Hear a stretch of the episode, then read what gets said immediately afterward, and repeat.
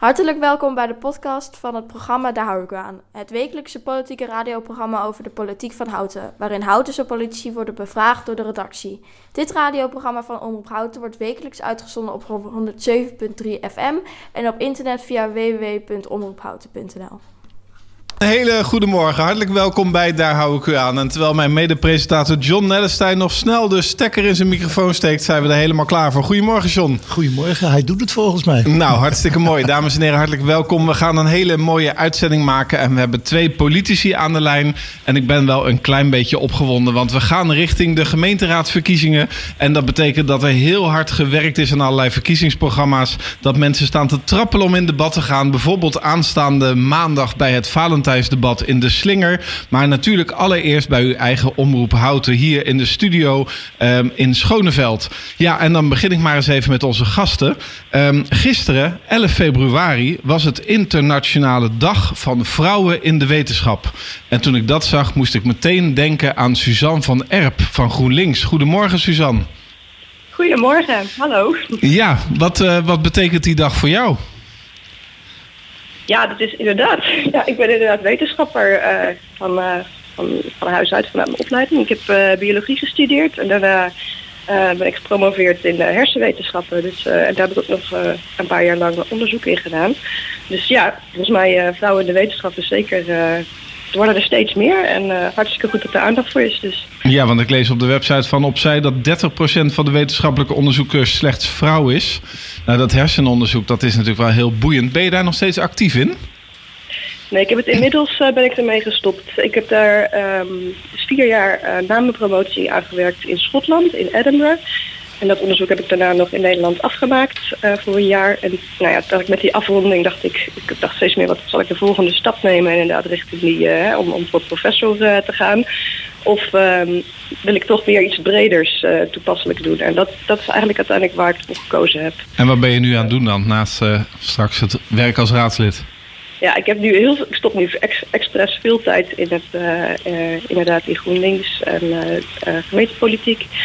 En daarnaast uh, werk ik aan een uh, wetenschappelijk communicatieproject. Dus juist eigenlijk voor alle wetenschappers om, uh, ja, om die dat is zo belangrijk. Soms kom je dingen tegen als wetenschap is ook maar een mening. Ja, er gaan echt allemaal alarmbellen rinkelen. Ik denk, er ligt zo'n grote taak nog voor wetenschappers om beter te communiceren over wat ze doen en, en hoe dat tot, tot stand komt. Dus daar, daar werk ik nu ook aan. Nou, helder. We hebben jou nog niet zo heel vaak in de uitzending gehad, dus leuk dat je er bent. Aan de andere kant van de lijn hebben we iemand die ook wel iets met communicatie heeft en die al jarenlang ervaring heeft als raadslid. Willem Zandbergen junior. Goedemorgen Willem. Goedemorgen, Paul. Ja, wat heel fijn dat wij jou weer uh, in onze uitzending hebben bij uh, Daar hou ik u aan. Ik neem aan dat jij ook al flink aan het warmlopen bent voor de verkiezingen. Ja, absoluut. Het is een tijd die inderdaad wel intensief is en tegelijkertijd ook wel een hele mooie tijd is. En ik hoop dat alle partijen in staat zijn om zoveel mogelijk uh, inwoners te stimuleren om uiteindelijk te gaan stemmen. Want het gaat natuurlijk wel ergens over. Ja, nou dat klopt. En um, dat betekent dus dat wij ons als redactie ook goed hebben voorbereid. Maar jullie hebben je volgens mij ook voorbereid. Want we gaan in deze uitzending niet alleen maar naar jullie luisteren. Het feitenmannetje komt straks ook nog om half elf. Gerard Hurkmans met wat informatie over de stand van zaken op het gebied van verkiezingen in Houten. En ook in het verleden wat er allemaal is gebeurd. Uh, maar ik had ook een vraag aan jullie gesteld. En ik wil eigenlijk wel eerst even beginnen met jou en daarna weer terug naar Suzanne. Um, de vraag is: op welk punt verschilt ITH het meeste met GroenLinks? Dus ik neem aan dat je nu heel intensief het verkiezingsprogramma van GroenLinks hebt gelezen. Ja, uh, niet alleen die van GroenLinks, hè, dat probeer natuurlijk ook de andere verkiezingsprogramma goed door te lezen. Um, ja, als we kijken naar de belangrijkste verschillen tussen GroenLinks en de Inwonerspartij, dan uh, is dat evident dat wij als Inwonerspartij niet alleen een lokale partij zijn, maar dus ook een inwonerspartij. En het onderscheid zit hem dan vooral ook in de participatie van inwoners bij besluitvormingsprocessen. De inwonerspartij een sterk voorstander om inwoners daar goed bij te betrekken. En vooral ook aan de voorkant, niet alleen vanuit een democratisch principe, maar vooral ook omdat inwoners heel veel deskundigheid hebben. Zij weten wat er speelt in de wijk. Um, en wat je ziet is dat wij vinden dat op het moment dat het inwonersproces niet goed verlopen is, dan vinden wij dat dat over moet. Uh, niet alleen omdat je daardoor betere besluitvorming krijgt, maar ook snellere besluitvorming. Um, als je dan kijkt naar GroenLinks, dan uh, zie ik in het verkiezingsprogramma dat participatie een belangrijke pijler is. Dus dat is mooi. De vraag en het verschil zit hem vooral in van ja, hoe komt dat in de praktijk tot uiting? En als we zeg maar terugblikken op de afgelopen periode, dan denk ik met name aan uh, de ruimtelijke koers, dan zie je hoe belangrijk en hoe noodzakelijk het nog is dat we echt investeren in een goede inwonersparticipatie. Want als bij één traject dat evident duidelijk is geweest dat het niet goed is verlopen, dat de burgers aan de noodrem hebben moeten trekken van een referendum, omdat er in het voortraject te weinig geluisterd werd, uh, dan denk ik van ja, het is mooi dat GroenLinks spreekt over een participatie als belangrijke pijler. Maar de kunst is natuurlijk wel om dat toe te passen als je eenmaal natuurlijk in die raad of in het college zit. Ja, nou Suzanne, ik neem aan dat dit campagneteam van GroenLinks hier natuurlijk uitgebreid over is nagedacht. Want dit hadden we natuurlijk wel een beetje kunnen verwachten. Hoe kijkt uh, GroenLinks hier tegenaan? Hebben jullie inderdaad uh, uiteindelijk weinig, toch iets niet goed gedaan op het gebied van de participatie? Nou, volgens mij is het juist zo dat dankzij GroenLinks de samenlevingsagenda echt op tafel is gekomen in de afgelopen periode. Dat is voor ons een heel belangrijk onderdeel van de coalitieonderhandelingen. En die samenlevingsagenda is juist een heel programma voor het hele beleid van de gemeente om altijd uh, de inwoners te blijven betrekken. Dat hebben we ook echt heel succesvol gedaan. Bijvoorbeeld bij uh, het maken van uh, de biodiversiteitsvisie hebben we samen met de inwoners gemaakt. Met een speciale werkgroep die daar heeft, heel veel input heeft gegeven. We hebben een uh, energieplan opgesteld samen met inwoners. Uh, we hebben de woonvisie tenslotte gemaakt, ook weer samen met inwoners. Dus we hebben echt ontzettend veel bereikt op het gebied van participatie. En dit zijn allemaal juist de portefeuilles geweest van de, onze GroenLinks-wethouder ook. Dus ja, daar wil ik zo nog wel even op ingaan. Want jullie hebben ook in het verkiezingsprogramma een, uh, een hoofdstuk eigenlijk wel besteed aan de resultaten van GroenLinks. Uh, maar zou je toch nog even in willen gaan op de participatie bij de ruimtelijke koers? Want dat is het punt wat meneer Zandberg natuurlijk maakt. Uh, ja, de participatie rondom de ruimtelijke koers is natuurlijk ook dus heel veel geparticipeerd. Maar uiteindelijk zijn er inderdaad, uh, ja, voor, ons ligt het punt, als wij het hebben, uh, als we het evalueren, is het dat we denken dat er een soort van tussenstap misschien gemaakt had moeten worden in de besluitvorming. Nu werd het hele, de hele ruimtelijke koers eigenlijk in één keer behandeld. En zat er dus een heel groot, uh, best wel veel tijd tussen, zeg maar, dat er de, rond de tafelgesprekken waren waar mensen hun, uh, hun input konden geven, hè, hun uh, zienswijze. En dat het uiteindelijk in de gemeenteraad werd behandeld. En die tijd was zo groot, ook mede door de coronacrisis, werd het allemaal online, dat dat eigenlijk heeft, in die tijd heeft geleid tot dus ja, heel veel zorgen bij inwoners en dus uiteindelijk het referendum. Nou, wij, wij denken, maar dit kun je achteraf, dus dat is natuurlijk altijd makkelijk, uh, makkelijk te zeggen. Hè, maar als we nou inderdaad een soort van tussenstap in hadden gemaakt in de besluitvorming van hier zijn we nu, waar gaan we mee verder? Misschien dat dat wel heel veel kunnen voorkomen. Dus volgens mij ligt het meer aan dat soort processtappen dan dat het echt nou ja, dat, dat, dat de schuld is van slechte participatie. Ja, meneer Zandberg als laatste op dit punt nog even reageren. Nou ja, mevrouw van Erp zegt van het is misschien nu makkelijk zeggen hoe we daarop terug reflecteren. Maar tijdens dat proces uh, zijn er heel veel initiatieven geweest. Ook vanuit de inwonerspartij. Kom met een second opinion. Uh, neem het stuk nog even terug. en op al die momenten dat je had kunnen ingrijpen heeft dat niet plaatsgevonden. En als ik dan de toenmalige fractievoorzitter van GroenLinks hoor zeggen... ja, er komt een referendum. Ja, wat, wat gaat ons dat opleveren? Dus eigenlijk ook geen enthousiasme als inwoners zich willen uitspreken dan denk ik met een traject wat zo lang heeft geduurd, wat uiteindelijk zo'n evident duidelijke uitkomst heeft als het referendum, ja, dan hebben we meer dingen laten liggen uh, dan zojuist is aangegeven. En ik vind dat echt een gemiste kans, want daarvoor hebben we heel veel tijd verloren, er heel veel geld verloren. En die noodzaak voor meer betaalbare woningen is zo belangrijk de komende periode in Houten. Oké, dat punt is uh, aan beide kanten denk ik helder gemaakt. Dan ga ik uh, terug naar Suzanne. Suzanne, waarin verschilt het verkiezingsprogramma van GroenLinks het meeste met het verkiezingsprogramma van de ITH? Ja, ik wou eigenlijk beginnen met zeggen dat ik heel veel overeenkomsten zie. Dus uh, complimenten voor, voor het programma. Het is volgens mij echt duidelijk dat we allebei uh, het beste willen voor Houten. Maar er zijn natuurlijk inderdaad verschillen. En voor mij is het hele belangrijke wel dat het ja, echt heel veel waarde hecht aan het behouden en het versterken van de groene ruimte in onze gemeente, Groenhouten.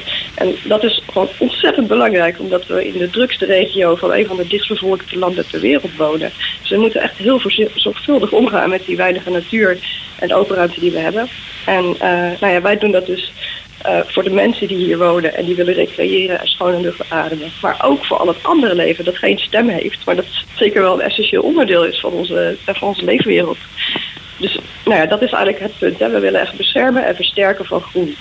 En uh, tegelijkertijd dat is de groene kant van GroenLinks. Maar we hebben ook de linkse kant. Uh, en dat doen we voor de mensen, het sociale. We pakken de woningnood aan.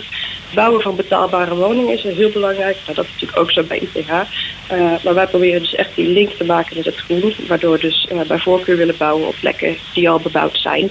Zodat we die kansen pakken om zeg maar versteende omgevingen mooier te maken. Een fijnere leefomgeving. Juist die fijne houten uh, woonomgeving waar, we, waar, we, hè, waar iedereen heel blij mee is. Dus nou ja, wij kijken echt naar de toekomst. Zorgen ervoor dat zowel in de toekomst zowel het groen als de mensen uh, van volgende generaties een plek hebben en houden. Ja, mag ik u een klein beetje plagen? Want ik heb dat programma natuurlijk met heel veel interesse gelezen. Maar op een gegeven moment kwam ik deze zin tegen. Wij koesteren de schoonheid en de rust van een natuurwandeling. Werkt dat nou echt zo? Sorry? Er staat in uw verkiezingsprogramma op pagina 18... Wij koesteren de schoonheid en de rust van de natuurwandeling. En uw, de titel van uw programma is ook... GroenLinks zet groen geluk op één. Ja. Werkt dat nou echt zo bij u? Dat als u gaat wandelen, dat u dan de schoonheid en de rust van de natuurwandeling koestert?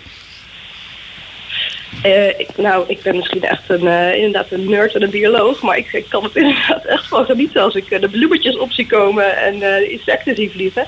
Voor mij is dat echt, ja, daar, ben ik, daar word ik heel gelukkig van. Is ja. dat Uitstekend. Ja, ja, zeker. En wat dat betreft dus in, in Oost is er groene grond op dit moment.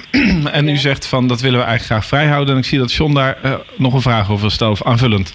Nou ja, om door te gaan van, als op, op wonen is het in feite. Ik, ik hoor dus eigenlijk dat het, ja, houdt, of uh, GroenLinks vasthoudt aan. Uh, jongens, uh, alles volbouwen in houten zelf. En misschien wat naar het noorden toe. Maar oosten hoor ik niks van. Er staat ook niks in, hè? In het, in wat het zeggen? Sorry? Er staat ook niets in over, over waar eigenlijk gebouwd moet worden in in jullie verkiezingsprogramma? Oh, nou, volgens mij hebben wij het heel duidelijk proberen te maken dat wij echt kiezen in eerste instantie voor bouwen in bebouwd gebied. Dus inderdaad in het centrum. Uh, misschien zijn er kansen in uh, Noordwest. En dat, het uitgangspunt is voor ons het belangrijkste. Hè? Dat we altijd gaan voor uh, dus het goede en het, het betaalbare en gezond. Dus dat, die drie dingen, waar we ook bouwen, dat is voor ons het belangrijkste. En uh, inderdaad hebben we ook gezegd in het verkiezingsprogramma dat als het, als het daar niet zou kunnen in, in bebouwd gebied, of dat uiteindelijk niet genoeg blijkt te zijn of niet mogelijk, uh, niet haalbaar blijkt te zijn, dan kiezen we toch voor uh, landbouwgrond en dan kom je waarschijnlijk inderdaad in Houten Oost terecht.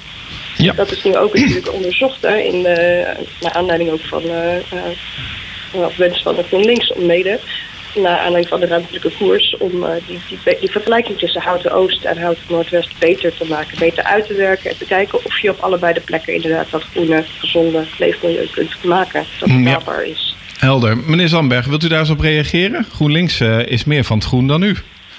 Ja, dat hoor ik net ook. Dus dat is, uh, dat is uh, ik weet niet of dat een goede vaststelling is. Kijk, ik denk dat we allemaal uh, zuinig zijn op het groen inhoud. er komt een grote woningopgave onze kant op. daar zijn alle partijen het ook wel over eens. Dus links of rechtsom ja, gaat dat natuurlijk altijd ergens ten koste van.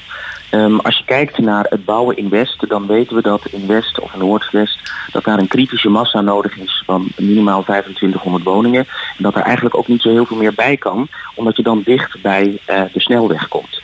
Nou, wat mij heel erg opvalt is dat uh, de lijsttrekker van GroenLinks, hè, dus de wethouder, die heeft samen met het college een voorstel ingediend destijds met de ruimtelijke koers dat ook woningen pal naast een snelweg worden gebouwd. Wat wij belangrijk vinden is dat mensen wonen in een uh, ja, mooie leefomgeving, maar ook een gezonde leefomgeving. Dus wat wij willen is uh, niet bouwen in Oost. En niet alleen vanwege uh, de situatie dat mensen in een goede, gezonde leefomgeving moeten wonen. Nee, ik denk dat u Noordwest bedoelt, want u zegt nu Oost. Nee, Noordwest. Sorry, Noordwest. Ja, ja. Dus ik bedoel inderdaad Noordwest. Dat we daar niet willen bouwen, ook omdat er andere redenen zitten. En we willen voorkomen dat we onderdeel worden van de metropoolregio Utrecht. Dan gaan we echt naar de stadse allures toe. Met risico op annexatie op termijn, zoals het eerst ook bij de Meren heeft plaatsgevonden. En heel belangrijk is, wij hebben in uh, Noordwest geen eigen grondpositie en dat betekent dat er eerst bedrijven moeten worden uitgekocht. Ja, en dat geld moet natuurlijk verdisconteerd worden uiteindelijk in de verkoop van nieuwe woningen. Dus dat betekent dat dat natuurlijk een prijsstijgend effect zal hebben op die woningen. Daarnaast zien wij in Oost juist de mogelijkheden om de kracht te bundelen met uh, een parkachtige structuur waarin de Kromme tot diep in die woonwijk wordt gebracht. Dus dat betekent dat wij daar kansen zien voor veel recreatiemogelijkheden in de buurt. En we zouden dat graag willen voorzien met een groenstructuur gebouwd op ecologische principes. Zodat we eigenlijk het groen combineren met de woonwijk. Ja, maar dat, dat kan allemaal heel mooi zijn. Maar dat betekent dus wel dat het groene veld wat daar nu ligt verloren gaat. Ja, verloren gaat uh, in de zin van dat wij zeggen van ja, je moet daar een mooi landschapspark maken met, met een woonwijk. Dus het groen wordt gecombineerd met, met, met, met, met de woningen. Um, dus dat is eigenlijk het belangrijkste, omdat wij primair belangrijk vinden dat daar een goede leefomgeving is voor omwonenden. Je moet niet vergeten dat de komende periode vooral de groepen 65 plus, 75 plus en zelfs 80 plus in toenemende mate uh, onderdeel maken van de bevolkingssamenstelling in Houten. Wij denken dat deze mensen dat die niet gebaat zijn bij een hoogstedelijke referentie. Dat die vooral uh, bij elkaar moeten wonen. Ja, uh, ja, ho, ho even, het is een moeilijk woord. Een hoogstedelijke referentie, wat bedoelt u daarmee? Nou, wij, willen in tegenstelling tot zeg maar, de eerste plannen van, van de ruimtelijke koers dus geen grote hoogbouw. Wij denken dat je vooral dus uh, met laagbouw, met een mooie structuur, met groen, uh, kan zorgen dat ook ouderen bijvoorbeeld uh, met de nodige aandacht, hulp, begeleiding en zorg zeg maar, ook met elkaar kunnen samenwonen. Dus je moet ook bouwen in lijn met wat passend is met de demografische ontwikkelingen zoals die zich de komende periode zullen gaan voltrekken in Houten. Ja, maar ik hoor u eigenlijk allebei uh, groen heel erg belangrijk vinden en toch heeft u een verschillend standpunt. Mevrouw Van Erp, kunt u eens reageren op de stellingen van meneer Zandbergen over Noordwest, over gezondheid, uh, grootstedelijke referentie en het um, onderdeel worden van de metropoolregio Utrecht, waar meneer Zandbergen niet op zit te wachten. Hoe kijkt u daar tegenaan? Ja, nou, laten we met het laatste beginnen dan inderdaad. Die annexatie, de, de gevreesde annexatie door Utrecht. Volgens mij is dat iets wat niemand wil. Van alle, maar, alle gemeenteraadsleden is er niemand die daarop zit te wachten. Dus met elkaar gaan we dat natuurlijk niet laten gebeuren. Dat is, daar zijn we zelf bij. Hè, nu en in de toekomst. Dat is iets wat gewoon volgens mij een ongegronde angst is. Want dat wil niemand. Bovendien is ons uh, het, het, het, zeg maar, het, het, principe van bouwen op al bebouwd gebied is precies dat. Dus we gaan niet uitbreiden. We gaan niet de gemeentegrenzen uitbreiden. We gaan bouwen waar al gebouwd is. Dus het, er schuift in principe er schuift gewoon helemaal niks op. Uh, snap je? Dus ik vind die annexatie echt uh, nou, een, nou ja, een ongegronde zorg. Ja, want u mag, zo, u, mag, u mag zo ook op de rest re reageren. Maar dit lijkt me op zich een heel helder punt. Meneer Zandbergen, er wordt helemaal niet geannexeerd. Het is gewoon hetzelfde gebied. Nee, ik zeg ook niet dat er wordt geannexeerd. Ik zeg alleen op het moment dat je onderdeel wordt van een metropoolregio, dan heb je het risico op termijn op annexatie. We hebben dat eerder gezien bij de meren. Je moet niet vergeten dat uh, nog geen tien jaar geleden in een uh, kabinet uh, werd aangegeven dat gemeentes tenminste uit 100.000 plus inwoners moesten bestaan. Hè? Dus ideeën van we gaan naar schaalvergroting, gaan gemeentes bij elkaar neerzetten. Dat, dat, dat is een beweging die, die af en toe duidelijk naar voren komt. Dus dat ja. zijn ideeën die ook in de landelijke politiek spelen. Nee, maar dat begrijp ik. Maar, maar u zegt dus eigenlijk, als wij in plaats van bedrijven op dat stuk gebied woningen neerzetten, dan is er een grote kans op herindeling en dan wordt Hout een onderdeel van Utrecht. Precies, dat, dat zie ik als een mogelijk risico op termijn. Ja, absoluut. Okay. Mevrouw Van Erp, terug naar u. Want u heeft nu het punt over uh, het annexeren behandeld. Maar meneer Zandberg had nog meer punten, namelijk onder andere langs de A27 en de, uh, de gezondheid. Gaat u verder? Ja, ja, de gezondheid is voor ons ook erg belangrijk. En ik weet dat uh, de heer Zandbergen ook nog wel weet dat wij dat mede hebben. Zeg maar, na, dat eerste voorstel van de ruimtelijke koers. We ook hebben gezegd van we willen in ieder geval op 300 meter van de snelweg gaan bouwen. Wat het advies is van de VVD. Vanaf 300 meter van de snelweg zijn de, luchtvervuiling, is de luchtkwaliteit vergelijkbaar met gewoon achtergrondniveau. Dus ook zeg maar net als verder van de snelweg. Dus uiteraard uh, is dat gezondheid voor ons net zo belangrijk en is dat ook gewoon heel goed mogelijk daar.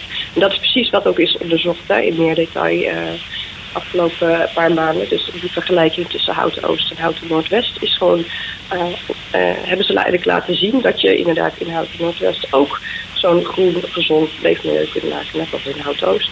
Ja, en kunt u nog iets zeggen over de betaalbaarheid? Ja, de betaalbaarheid, wat mij betreft, ik zie twee verschillen tussen. Je hebt de betaalbaarheid van het bouwen, investeren aan de voorkant. En je hebt dan uiteindelijk de betaalbaarheid voor de mensen die daar komen te wonen. Als wij het hebben over betaalbaar, betaalbare woningen bouwen, dan bedoelen we echt voor die mensen die daar komen te wonen. Dus we willen veel sociale huur, we willen veel betaalbare woningen voor mensen die daar komen te wonen. En als dat aan de voorkant, als dat uiteindelijk in het begin meer investeringen kost vanuit overheid of landelijk, dan, is dat inderdaad zo. Maar dat is iets waar wij voor de toekomst, wat we gewoon nodig hebben. Ja, ik heb nog een laatste vraag aan u, want eh, dat groen dat speelt maar door. Hè? Dus uh, u zegt uh, ik wil het buitengebied groen houden. Um, op het moment dat je in het binnenstedelijke gebied van Houten meer gaat bouwen, centrumkoppeling, molenzoom, dan betekent dat automatisch toch ook dat er in, het, in de stad gewoon minder groen gaat komen? Of zie ik dat verkeerd? Ja, dat is inderdaad, nee, dat is precies hoe wij het juist niet zien. Uh, op dit moment is dat gebied, uh, dus in centrum is gewoon behoorlijk versteend. Er zijn heel veel parkeerplekken, er zijn heel veel, nou er zijn niet zeg maar zoals die waar ik nu op uitkijk, uh, waar ik woon in de wijk De Hoeven. Kijk uit op een mooi groen speelveldje met een parkje en zo, dat heb je daar gewoon op dit moment niet. En juist daarom kiezen wij ook voor wat hoger bouwen. Uh, niet, per, niet zeg maar zeker niet vol schouder aan schouder vol zetten met 14 hoog, wat af en toe uh, werd gevreemd tijdens de ruimtelijke koers. Maar wel gewoon zorgen dat je uh, wat kleinere woningen kunt bouwen voor de mensen, voor kleinere gezinnen. En daardoor dus op straatniveau meer ruimte hebt voor dat groen. Dus volgens mij is dat juist een uh, perfecte combinatie. Oké, okay, laatste reactie op dit punt. Om dat groener te maken. Ja, dank u wel. Laatste reactie op dit punt van meneer Zandbergen. In feite wordt het centrum modusomkoppeling door de plannen die GroenLinks daarvoor heeft juist groener. Ja, ik moet, dat, dat, dat leidt me tot wat hoofdbrekens. Uh, want want uh, er wordt, komt meer verstedelijking en er komt ook meer groen. Nou, volgens mij gaan die uh, niet helemaal samen. We zagen ook bij de ruimtelijke koers, zeker bij de eerste plannen, zagen we zelfs op een klein veldje als de Smitschelde, een klein beetje groen in, uh, in zo'n buurt. Ja, dat, was eigenlijk de bedoeling dat daar een toren van 14 hoog mogelijk zou komen. Dus wat je juist ziet, en dat is ook de reden waarom in het referendum zo massaal is tegengestemd, dat de plannen vooral gericht waren op stedelijke verdichting, hoogbouw en dus ook minder groen. En wij zeggen probeer het groen nou ook in die wijken te brengen, dicht bij de mensen. En wat verder belangrijk is, ik dat het volledig bouwen in Houten Noordwest niet mogelijk is. Dus GroenLinks zal altijd ook woningen moeten brengen bij Houten Oost. En dat betekent dat het altijd ook daar te kosten zal gaan van groen. Dus linksom, rechtsom uh, denken wij dat de keuze voor uh, uh, Noordwest geen goede optie is. Oké, helder verhaal. Ik heb aan de lijn Gerard Hurkmans. U heeft hem vorige week ook gehoord. Ons feitenmannetje. Goedemorgen Gerard. Goedemorgen Paul. Ja, vorige week uh, gaf je al een klein tipje van de sluier waar we het vandaag over gaan hebben. Want uh, je hebt werk gemaakt van het bestuderen van de uitkomsten van de verkiezingen. En ook een vergelijking gemaakt tussen lokaal en landelijk. Vertel. Ja, we gaan het hebben vandaag over uh, hoe stemt Houten bij landelijke verkiezingen en hoe stemt Houten bij lokale verkiezingen en dan in vergelijking met de rest van Nederland. En tenslotte ook nog even wat speciale aandacht voor lokale partijen, omdat dat natuurlijk altijd wat anders ligt. Als, als ik daar gewoon maar mee van start ga, Paul, dan uh, begin ik met de VVD. Daar is iets uh, speciaals aan de hand. De VVD is natuurlijk de grootste partij in Nederland. Maar scoort inhoud eigenlijk nog beter dan, dan landelijk. En bij landelijke verkiezingen stemt een kwart van de houtenaren op de VVD. Uh, dus dat zou een, uh, lokaal een zetel of acht zijn. Het merkwaardige feit doet zich voor dat bij de lokale verkiezingen zou je kunnen zeggen dat het in elkaar stort naar zo'n 13, 14 procent. En voordat je dat gaat wijten aan de lokale politici in Houten, dat gebeurt in heel Nederland. Dus de VVD scoort lokaal gewoon dramatisch veel slechter dan landelijk. Dat heeft iets, er is een groot onderzoek geweest, dat heeft iets te maken met de opkomst. De opkomst is veel minder. VVD-stemmers komen slechter op. En het heeft te maken met keuzes voor lokale partijen. De VVD'ers hebben nog wel eens de merking om voor een lokale partij te stemmen. In Houten gebeurt dat ook. Als we dan kijken naar D66. Uh, D66 scoort heel goed in Houten. En vorige week heb ik het even gehad over de demografie van Houten. Houten is eigenlijk wel een gemeente waar je verwacht dat D66 hoog scoort. Gezien de leeftijdsopbouw, de wat hogere inkomens en de opleidingen. Um, wat wel opvalt is dat de D66 sterk groeit in Houten, landelijk. Uh, lokaal uh, scoren ze ook beter dan in andere gemeenten. En wat opvallend is bij de laatste verkiezingen is dat D66 hoog scoort, ondanks het feit dat een partij als Volt het ook goed doet in Houten. Dus, dus ondanks, ja, je mag zeggen, de concurrentie die Volt uh, vormt op de kiezersmarkt, doet D66 dat goed. De ChristenUnie is uh, overal stabiel. ChristenUnie scoort in Houten altijd hoger dan landelijk vanwege de, uh, nou ja, gewoon het aantal mensen met een bepaald soort kerkgenootschap die in Houten wat hoger vertegenwoordigd is. En dat is heel stabiel. Eigenlijk scoren ze bijna elke verkiezing hetzelfde. Ja, Spannend is... is alleen, er is de afgelopen vier jaar veel gebeurd in Houten bij de ChristenUnie. En we moeten zien of dat invloed heeft. Ja, ik, ik, ga je een klein beetje onderbreken, want uh, op zich is het heel interessant. Ik neem aan dat voor de SGP ook geldt de, de stabiliteit. Hè, want die hebben standaard één, uh, twee zetels uh, bij ons in Houten. Maar ik wil graag even naar de lokale partijen, Gerard. Ja, maar als ik dan toch even bij de SGP begin. Nou, doe maar. want daar doet zich wel iets raars voor. De SGP heel stabiel, altijd 2%. Behalve bij de lokale verkiezingen zitten zij op 6%. Dat valt dus niet te verklaren uh, vanuit de religieuze achtergrond. En je, alles wijst erop dat de SGP een lokale aanhang heeft. Dus eigenlijk ook een soort lokale partij is. Want er is een vaste kern van houtenaren die iedere vier jaar op de SGP stemt. Helder. En de andere lokale partijen? De andere lokale partijen. Er is, uh, zoals ik al zei, een groot onderzoek van INO geweest. En daaruit blijkt dat lokale partijen in de lift zitten. Lokale partijen doen het in Nederland steeds beter. En die zijn gegroeid van 28 naar 29 procent. En zij verwachten dat wel eens één op de drie inwoners van Nederland lokaal kan gaan stemmen. In Houten is dat uh, veel minder het geval. Dus uh, het aantal stemmers in Houten op lokale partijen is kleiner. En de lokale partijen zijn in 2018 ook achteruit gegaan ten opzichte van 2014. Dat is dus tegen de trend in.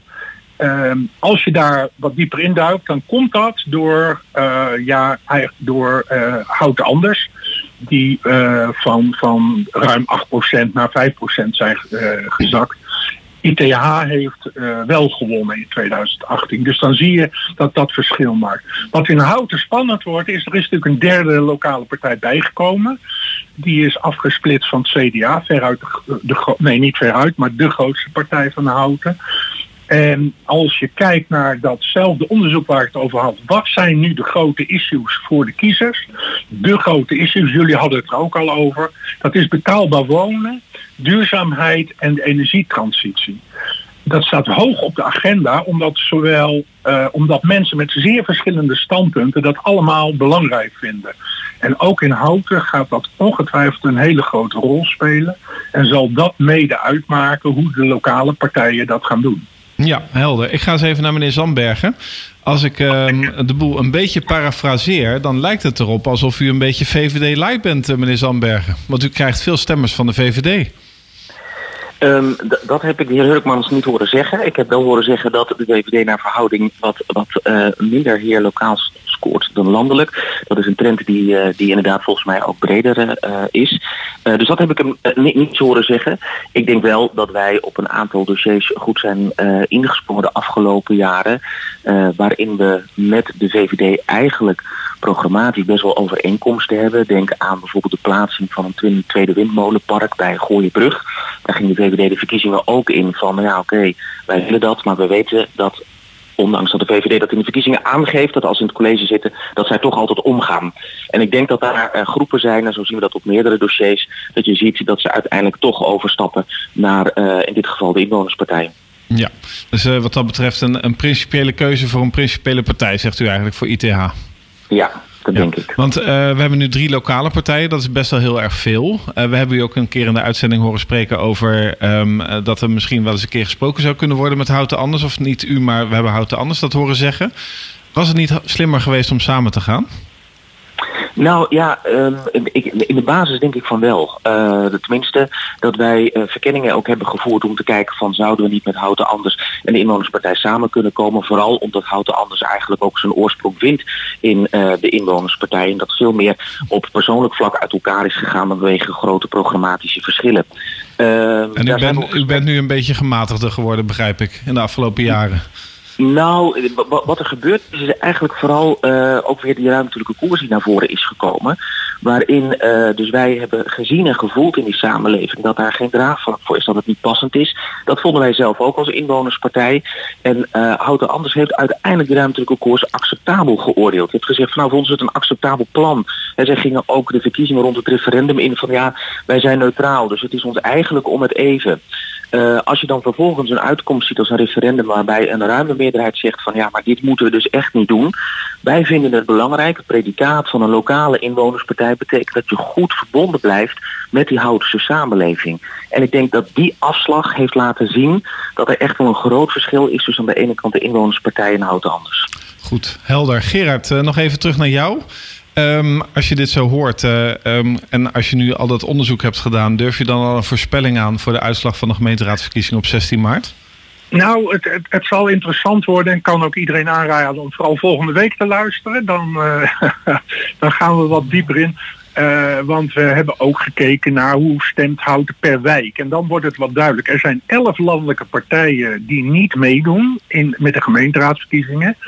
En wij hebben gekeken waar blijven die stemmen. En als uh, meneer Zandberg zei het net al, uh, de SP bijvoorbeeld zou, als ze mee zouden doen, best eens een zetel kunnen halen in Houten. Die stemmen gaan niet naar de PvdA. Dus waar blijven die dan? Waar blijven de stemmen van de PVV en van Forum? Uh, dat hebben wij uitgezocht en daar gaan we volgende week per wijk naar kijken. Ja, dan gaan we zo nog even met Suzanne uh, terugkijken naar wat jij zojuist allemaal hebt gezegd. Heb je nog iets bijzonders te vertellen over GroenLinks in Houten qua verkiezingsuitslagen? Ja, GroenLinks heeft het uh, natuurlijk vorige keer uh, uh, nou ja, uitzonderlijk gedaan. dat is ook veel beter dan, dan landelijk. Uh, GroenLinks profiteert wel licht van uh, het feit dat Partij voor de Dieren niet meedoet. Maar uh, het wijst er toch op dat GroenLinks heel veel moeite zal hebben om dezelfde uitslag te halen. Omdat dat ook landelijk nou ja, er anders uit begint te zien. Mevrouw Van Erp, u heeft net ook het feitenmannetje gehoord, neem ik aan? Jazeker, ik heb meegeluisterd. Nou, wilt u eens dan iets zeggen over wat Gerard zei over GroenLinks? Oftewel, ja. dat GroenLinks het wel moeilijk zou kunnen krijgen.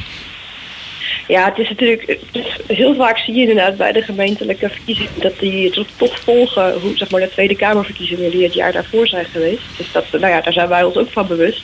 Dat dat er minder goed uitzag uh, de laatste keer vergeleken met vier dan vijf jaar geleden. Uh, maar ja, wij gaan er gewoon uh, voor. Dus we gaan zeker voor een zo goed mogelijke uitslag. En ehm, ja, ik wou dus, wat, wat ik hoorde van dat wij zouden profiteren van dat de Partij van de Dieren niet meedoet. Dus ik zie dat meer als een. Uh, dat hopelijk vinden de Partij van de Dierenstemmers uh, zich gerepresenteerd door GroenLinks inhouden.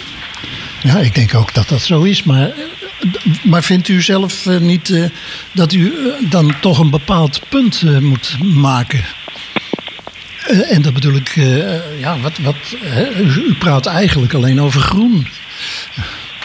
Houten groen. Groen, u praat eigenlijk over houten groen. Dat is uw. Uh, ja, dat, hoofdpunt in dat het programma. hoofdpunt, ja. ja. Ons hoofd, dat is wat ik net aangaf, is het uh, grootste verschil met ITH. Dat was uh, dat antwoord op die vraag. Uh, wat ons hoofdpunt is. Kijk, GroenLinks is echt die combinatie van groen en links. Het groene en het sociale. Dat is onze kracht. We gaan, nou ja, onze, de posters hangen door heel houten heen. Menselijk, eerlijk en duurzaam. Dat is voor ons echt belangrijk. Dus juist ook die betaalbare woningen en die duurzaamheid. En, nou ja, en participatie, sociale. wat denkt u daarvan? En de participatie, dat, vinden we ook heel, dat hebben we ook een uh, heel grote rol gegeven in ons uh, verkiezingsprogramma. En daar hebben we ook de afgelopen vier jaar heel veel aandacht aan besteed. Uh, ja, en daarvoor vast ook, maar laten we het nu hebben over uh, nu. Nou, het lijkt me heel goed, uh, want we hebben dus een uitgebreide studie gemaakt van uw verkiezingsprogramma. We gaan in de rest van deze uitzending bij één of twee punten daaruit stilstaan en ook bij één of twee punten uit het verkiezingsprogramma van ITH. En wat ik bij u heb geselecteerd is de zinsnede dat u ervoor bent om wellicht DIFTAR in te voeren, dat dat een mogelijkheid is. Zou u eens aan onze luisteraars kunnen uitleggen wat DIFTAR precies is en hoe u dat wilt invoeren? Dat is een meteen een heel klein specifiek puntje, maar inderdaad, daar kunnen we wel even over hebben. Um, uh, nou, DIFTAR is dus inderdaad gaat over afvalinzameling. En dat zijn dan zeg maar differentiële tarieven. Dus dat je uh, dat je inderdaad betaalt als het ware voor wat je produceert aan afval. Dus als je meer afval zou hebben, dat je bijvoorbeeld daar ook uh, meer voor zou moeten betalen. En nu is het zo dat je gewoon vraagt om een grotere kliko en uh, dan, dan, krijg je die en dan maakt het verder niet uit hoeveel afval je produceert. Maar iets wat wij inderdaad een mogelijke manier zou zijn om, om maar te zorgen voor die, hè, die circulaire economie en meer recycling en meer uh, duurzaamheid, is uh, dat je mensen meer bewust maakt van het afval dat ze produceren. Door dus bijvoorbeeld een prijskaartje aan te zetten. Dat is een van de opties die wij zouden willen onderzoeken. Ja, en dat is op zich uh, helder. Maar heeft u dan ook nog een voorkeur van hoe dat zou moeten worden ingevoerd? Want in de landen is het natuurlijk wel een bekend fenomeen. Hè? Je kunt DIFTAR invoeren door bijvoorbeeld te zeggen van nou, iedere keer als je vuilnisbakken aanlevert, betaal je daar een bedrag voor. Er zijn ook gemeentes waarin uh, de afvalbak wordt gewogen. Dus dan betaal je letterlijk en figuurlijk per kilo. Uh, wat, wat zou uw voorkeur hebben? Ja, dat is een hele goede vraag. Nou ja, volgens mij hebben wij in het programma gezet dat we het uh, willen onderzoeken. En ik heb daar op dit moment niet een voorkeur voor. Mijn voorkeur is voor het principe dat het beste werkt. Dus inderdaad, als we dan kijken naar wat er al in gemeentes is ingevoerd en wat daar het beste, eh, wat het, het meeste draagvlak heeft bij mensen, wat het beste effect heeft. En al die dingen moet je meenemen en dan een keuze maken. Ja, helder. Meneer Zandbergen, um, de, de gebruiker betaalt. Mensen prikkelen om na te denken over uh, hun afvalstoffen. Hoe zit uh, ITH daarin?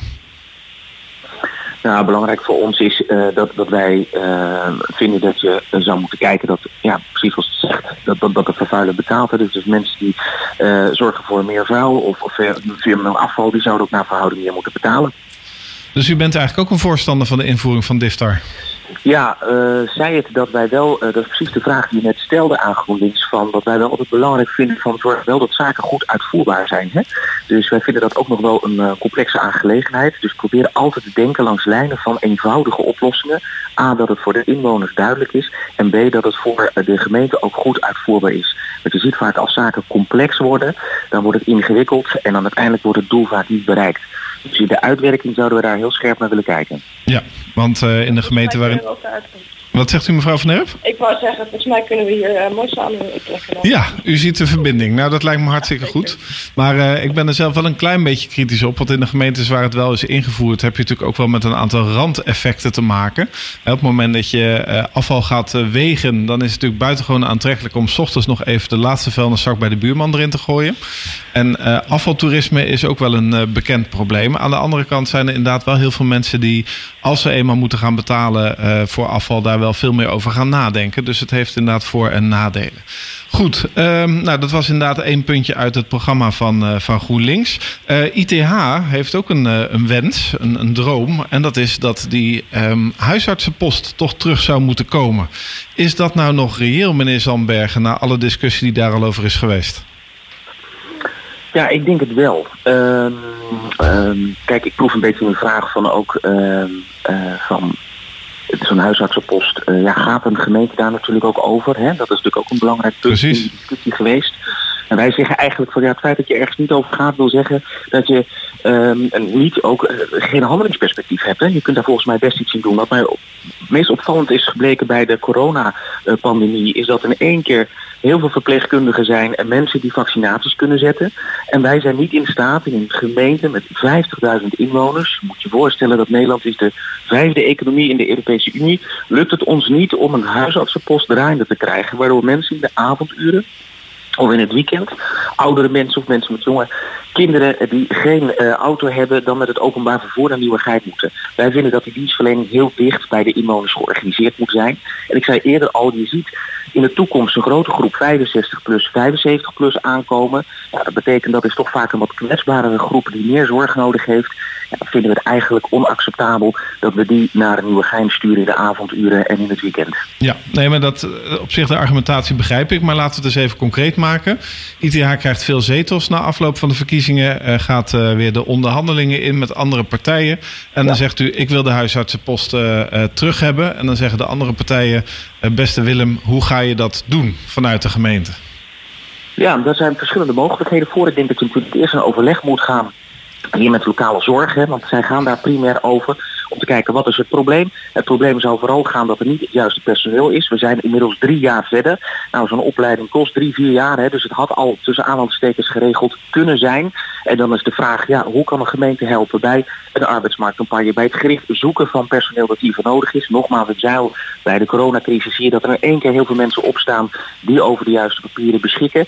Uh, en als het nodig is dat we daar financieel moeten bijstaan, dat we zeggen van zo'n opleiding moet gefinancierd worden, dan, dan, moeten we dat dan maar voor over hebben. Uh, ik vind dat er uh, kosten bijvoorbeeld die nu in de gemeente worden gemaakt naar vele externe rapporten, zie rondom het oude dorp, zie rondom de ruimtelijke koers, zie een mislukte ambtelijke fusie met wijkbeduursteden. Als je dat bij elkaar optelt, hadden we het al lang zeg maar kunnen regelen. Dus wat mij betreft zijn we echt bereid om te kijken wat is er nodig om dit te realiseren voor onze inwoners. Nou, mevrouw Van Erp, meneer Zandbergen zit ook echt in de campagnestand, want u serveert nog even wat mindere successen uit van de afgelopen periode. Hoe zit u in het verhaal van de huisartsenpost? Ja, net ons, wij hebben meteen die vraag precies wat u ook stelt. Hoe dan? Want wij hebben daar zelf ook over nagedacht. We zijn ook heel erg uh, ja, teleurgesteld dat die huisartsenpost weg is. En volgens mij is dat ook nou, precies wat, uh, wat Willem zegt. dat dat de komende jaren alleen maar die behoefte wordt groter. Hè? De behoefte aan zorg sowieso. En zeker voor ouderen. Dus zo'n huisartsenpost zou natuurlijk geweldig zijn als die terug zou kunnen komen. Hoe haalbaar het is dat de gemeente gaat betalen voor de opleiding van toekomstige verpleegkundigen. Dat, nou ja, dat zou ik graag uitgewerkt willen zien, want ik ben heel benieuwd uh, hoe dat in de praktijk uh, zeg maar gaat werken. Ja, dus ook op dat punt uh, kunnen jullie elkaar wel vinden dat dat inderdaad onderzocht kan worden ik denk de urgentie voor een huisarts, of de, de, de behoefte aan een huisartsenpost in Houten, die, uh, dat, ja, daar zijn we het helemaal mee eens. Nou, we hebben hem uh, genoteerd en we gaan u daaraan houden. Dus ik ben heel benieuwd uh, naar de verkiezingen. Ja, als laatste onderwerpje wil ik nog even naar zeg maar, het terugblikken naar de afgelopen periode. Wat mij, ik heb alle verkiezingsprogramma's gelezen. Ik kan u vertellen dat me dat best veel moeite heeft gekost. Want het is nou niet een John Grisham met een heel spannend iets. En alle partijen willen ongelooflijk veel goede dingen voor Houten. Maar wat me bij GroenLinks heel erg opviel en in die zin was er ook wel een soort van overeenkomst, is dat GroenLinks met name het eerste hoofdstuk um, een aantal resultaten noemt. En een gedeelte van die resultaten ook wel heel erg concreet terugkoppelt aan wij en onze wethouder. Ik dacht toch eigenlijk dat we met z'n allen collegiaal bestuur hadden. Maar wethouder De Groot heeft een overeenkomst met TSN Groen getekend in persoon. Waarbij de gemeente alle aankoop van gemeentegrens tot gemeentehuis elektrisch laat bezorgen. De fractie heeft geregeld dat er duidelijkere informatie komt over de regionale energiestrategie. Er is geld geregeld voor de transitievisie warmte om de inwonersgroep bij dit proces te betrekken. En uh, er zijn 50 extra afvalbakken gekomen via een GroenLinks motie. U heeft daar heel bewust zo op ingezet. Vindt u echt dat al die resultaten echt alleen maar aan GroenLinks toe te rekenen zijn? Nou, ik denk dat je Natuurlijk doe je het samen, dat is uh, helemaal, dat is precies het punt. Maar in het geval van de moties, de, de fractiesuccessen, is het dan een initiatief geweest van GroenLinks, waar wij dan, eh, als, als wij er niet mee waren gekomen, dan was misschien wel niemand ermee gekomen. Dus dan was het er duidelijk niet geweest. Dus niet dat zij dan zeg maar, dat in ons eentje erdoor kunnen drukken. Hè. Daar was nog de meerderheid van de raad voor nodig. Maar het initiatief is wel gekomen vanuit GroenLinks. En dat soort initiatieven, nou, dat, ja, uiteindelijk moet je het daarmee doen. Hè, met moties en amendementen. Ja. En um, voor de wethouder, ja, het is zeker wel. Kijk, ja, ook daar is het natuurlijk, doe je het als, als uh, college met elkaar. Maar onze wethouder heeft inderdaad een bepaalde portefeuille waar ze zeker wel haar eigen stempel op kan drukken en heeft gedrukt. Ja, dus, nou, het, ma het, maakt voor de inwoners ook wel inzichtelijk hè, waar, waar de prioriteiten liggen en waar de belangen liggen. Dus in die zin is het ook helemaal niet per se uh, slecht. Um, ik zie alleen ITH uh, precies de andere kant op gaan, want die formuleert op een aantal punten in het verkiezingsprogramma, juist aan de hand van een aantal gebeurtenissen uit het verleden, van hoe zij het juist niet willen doen. Vindt u dat niet een beetje zuur, meneer Zandberg, om dat zo aan te vliegen? Nou, het is eigenlijk meer vanuit een soort probleemanalyse waarin je zegt wat kan beter en wat kan anders. Op het moment dat je uh, je programma voor de komende vier jaar neerzet, moet je toch iets eerst van een analyse maken waarvan je vindt dat zaken beter moeten of niet. Want anders is de vraag, ja, waar vindt dat nou zijn oorsprong in? Dus dat is eigenlijk het belangrijke vertrekpunt. Het tweede is dat we uh, zien, er zijn inderdaad door dit college een aantal resultaten behaald. Hè. Ik vind ook niet dat een oppositiepartij ook altijd maar moet zeggen van uh, dat is niet goed of we zijn erop tegen. Dat is helemaal niet waar. Dus een aantal van de resultaten die GroenLinks noemt, die zijn gewoon ook evident bereikt. En dat is ook gewoon heel goed dat dat bereikt is. Dus laten we dat ook vooral uh, met elkaar delen. We staan daar allemaal met een gezamenlijke opgave. Maar goed, we zien ook wel dat in de afgelopen vier jaar een aantal dossiers enorm is blijven liggen. Ik denk bijvoorbeeld aan de ruimtelijke koers, maar ik zal een ander onderwerp noemen voor de variëteit. Ja, heel graag. Dat is bijvoorbeeld uh, als je kijkt naar de wachtlijsten voor jongeren. Ja, er zijn uh, jongeren die moeten nu 15 tot 18 weken wachten voordat zij de benodigde zorg krijgen. Dan te bedenken dat we in een coronapandemie zitten, waarvan we weten inmiddels uit onderzoek dat jongeren met mentale problemen uh, zitten. Dan denk ik van ja, dat soort vraagstukken, dat moet echt opgepakt worden. En die kenmerken zich door drie, vier verloren jaren. Nou, dat betekent dat je dan dat vervolgens ombouwt naar je ambities. En dat je zegt van oké, wij hebben als ambitie een inwonerspartij om die wachtlijsten tegen te gaan. Ja, nou is het natuurlijk wel een kenmerk van een coalitie dat je elkaar moet kunnen vinden. Um, en ik kan me voorstellen dat sommige andere coalitiepartijen bij het stukje van GroenLinks denken van nou, die uh, halen heel veel naar zich toe. Maar ik kan me ook voorstellen dat GroenLinks en andere partijen misschien denken van ja, als ITH zoveel kritiek heeft, dan is het wel lastig om dan uiteindelijk samen te verder te gaan. Zeker als de jaren die we net achter de rug hebben worden beschouwd als verloren jaren, mevrouw Van Erp. Staat u al te trappelen om met uh, meneer Zandberg in overleg te gaan naar de verkiezingen? ik, ik sta sowieso te trappelen om met iedereen naar overleg te gaan. Dat, uh, dat, dat is een heel politiek correct antwoord. nee, maar u geeft, het is inderdaad een goed punt. Dat het, het, werkt, het werkt het fijnste samen met mensen die uh, constructief uh, meedenken en in oplossingen denken. En dat hoor ik meneer Sandberg nu ook wel zeggen. Hè? Zo van, er zijn zeker ook successen geboekt en je moet ook denken aan, aan, de, aan hoe je vooruit gaat met elkaar. Dus nou ja, als we er zo met elkaar in staan, dan, dan het gaat om dat constructieve samenwerken en elkaar vinden. Ja. nou hebben ze in de landelijke politiek uh, proberen de journalisten natuurlijk altijd van tevoren uh, te zoeken naar punten die zo van belang zijn dat ze de formatie ook echt gaan beïnvloeden. De zogenaamde breekpunten. Is voor u nou dat Houten Oost echt een breekpunt, mevrouw Van Erp? In plaats van Noordwest? Uh, een breekpunt als in als er een houten oost wordt gebouwd, dan kan ik daar niet mee samenwerken. Precies. Dat, bedoelt u dat? Ja, dat bedoel ik. Nou, ik heb alle verkiezingsprogramma's ook uh, weet je, wat uh, onderzoek doorgelezen. En... Even een beetje dichter bij de, bij de telefoon, oh, alsjeblieft. Ja, ik draai mijn hoofd weg. Ja.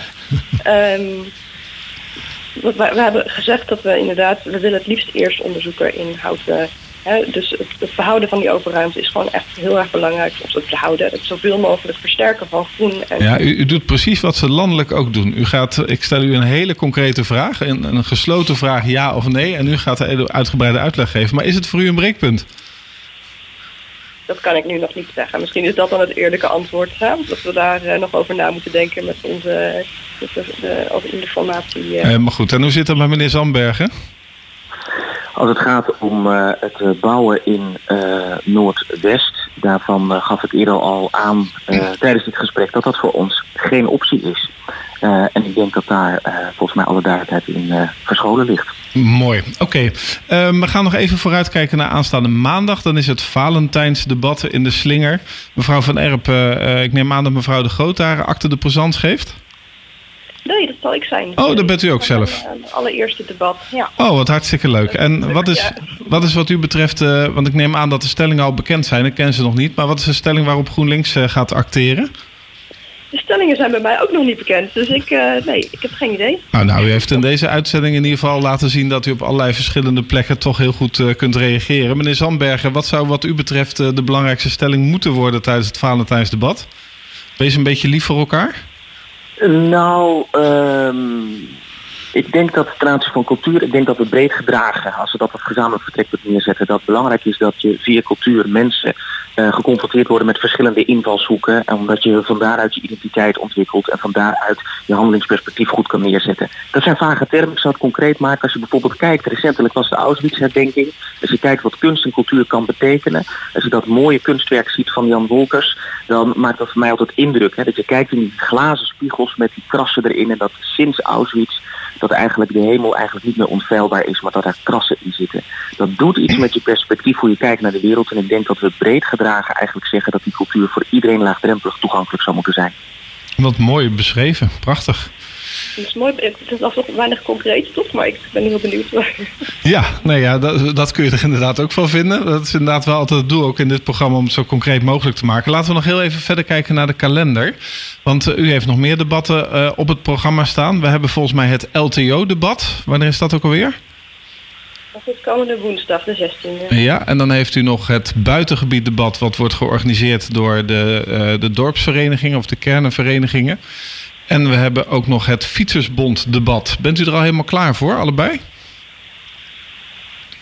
Ja, ik, ik, ben er wel klaar voor. Tegelijkertijd is het altijd bij zo'n debat uh, dat het ook altijd even op dat moment kijken is wat de sfeer is, hoe bepaalde dingen gaan. Dus het is ook wel een situatie die op het moment zelf bepaald wordt. Maar ik denk gewoon dat het goed is dat ieder zijn eigen standpunten daar kan neerzitten. Laten we daar vooral duidelijk over zijn, zodat we inzichtelijk maken voor de inwoners uh, waar de verschillen en waar de overeenkomsten zijn, zodat ze zo goed mogelijk in staat worden gesteld om een keuzes te maken. Ja, en gaat u ze allemaal doen of zijn er ook fractiegenoten die uh, debatten gaan doen?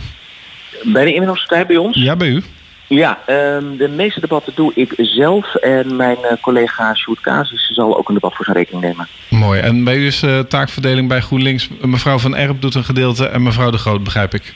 Precies, ja. Ik doe inderdaad het fietsersdebat uh, en maar de Groot doet uh, LTO buitengebied. Nou, mooi. Dan uh, gaan we elkaar ook in die hoedanigheid uh, nog een keer tegenkomen. Um, ik kijk even hoeveel tijd ik nog heb. Volgens mij nog één of twee minuten. Nog twee minuten. Ja, het laatste wat ik nog heel even wilde aankaarten... en waar u iets over mag zeggen, is het Forum. Wat in alle verkiezingsprogramma's wordt genoemd. GroenLinks is daar volgens mij een voorstander van.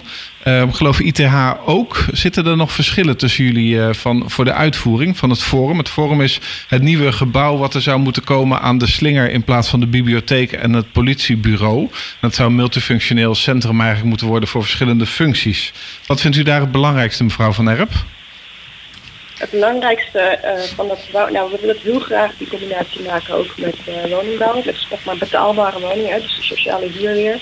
Dat is voor ons echt wel iets dat we heel graag die, ja, die combinatie willen maken. En inderdaad, uh, ik vind het een ontzettend mooi project. En het is ook gekomen vanuit, uh, ja, vanuit de samenleving zelf, vanuit de organisaties. Daar zijn ze met een plan gekomen. Ja, ja ik, ik onderbreek u niet om, om beleefd te zijn, maar ik wil meneer Zandberg ook nog aan het woord laten. En ik heb nog maar korte tijd. Meneer Zandbergen?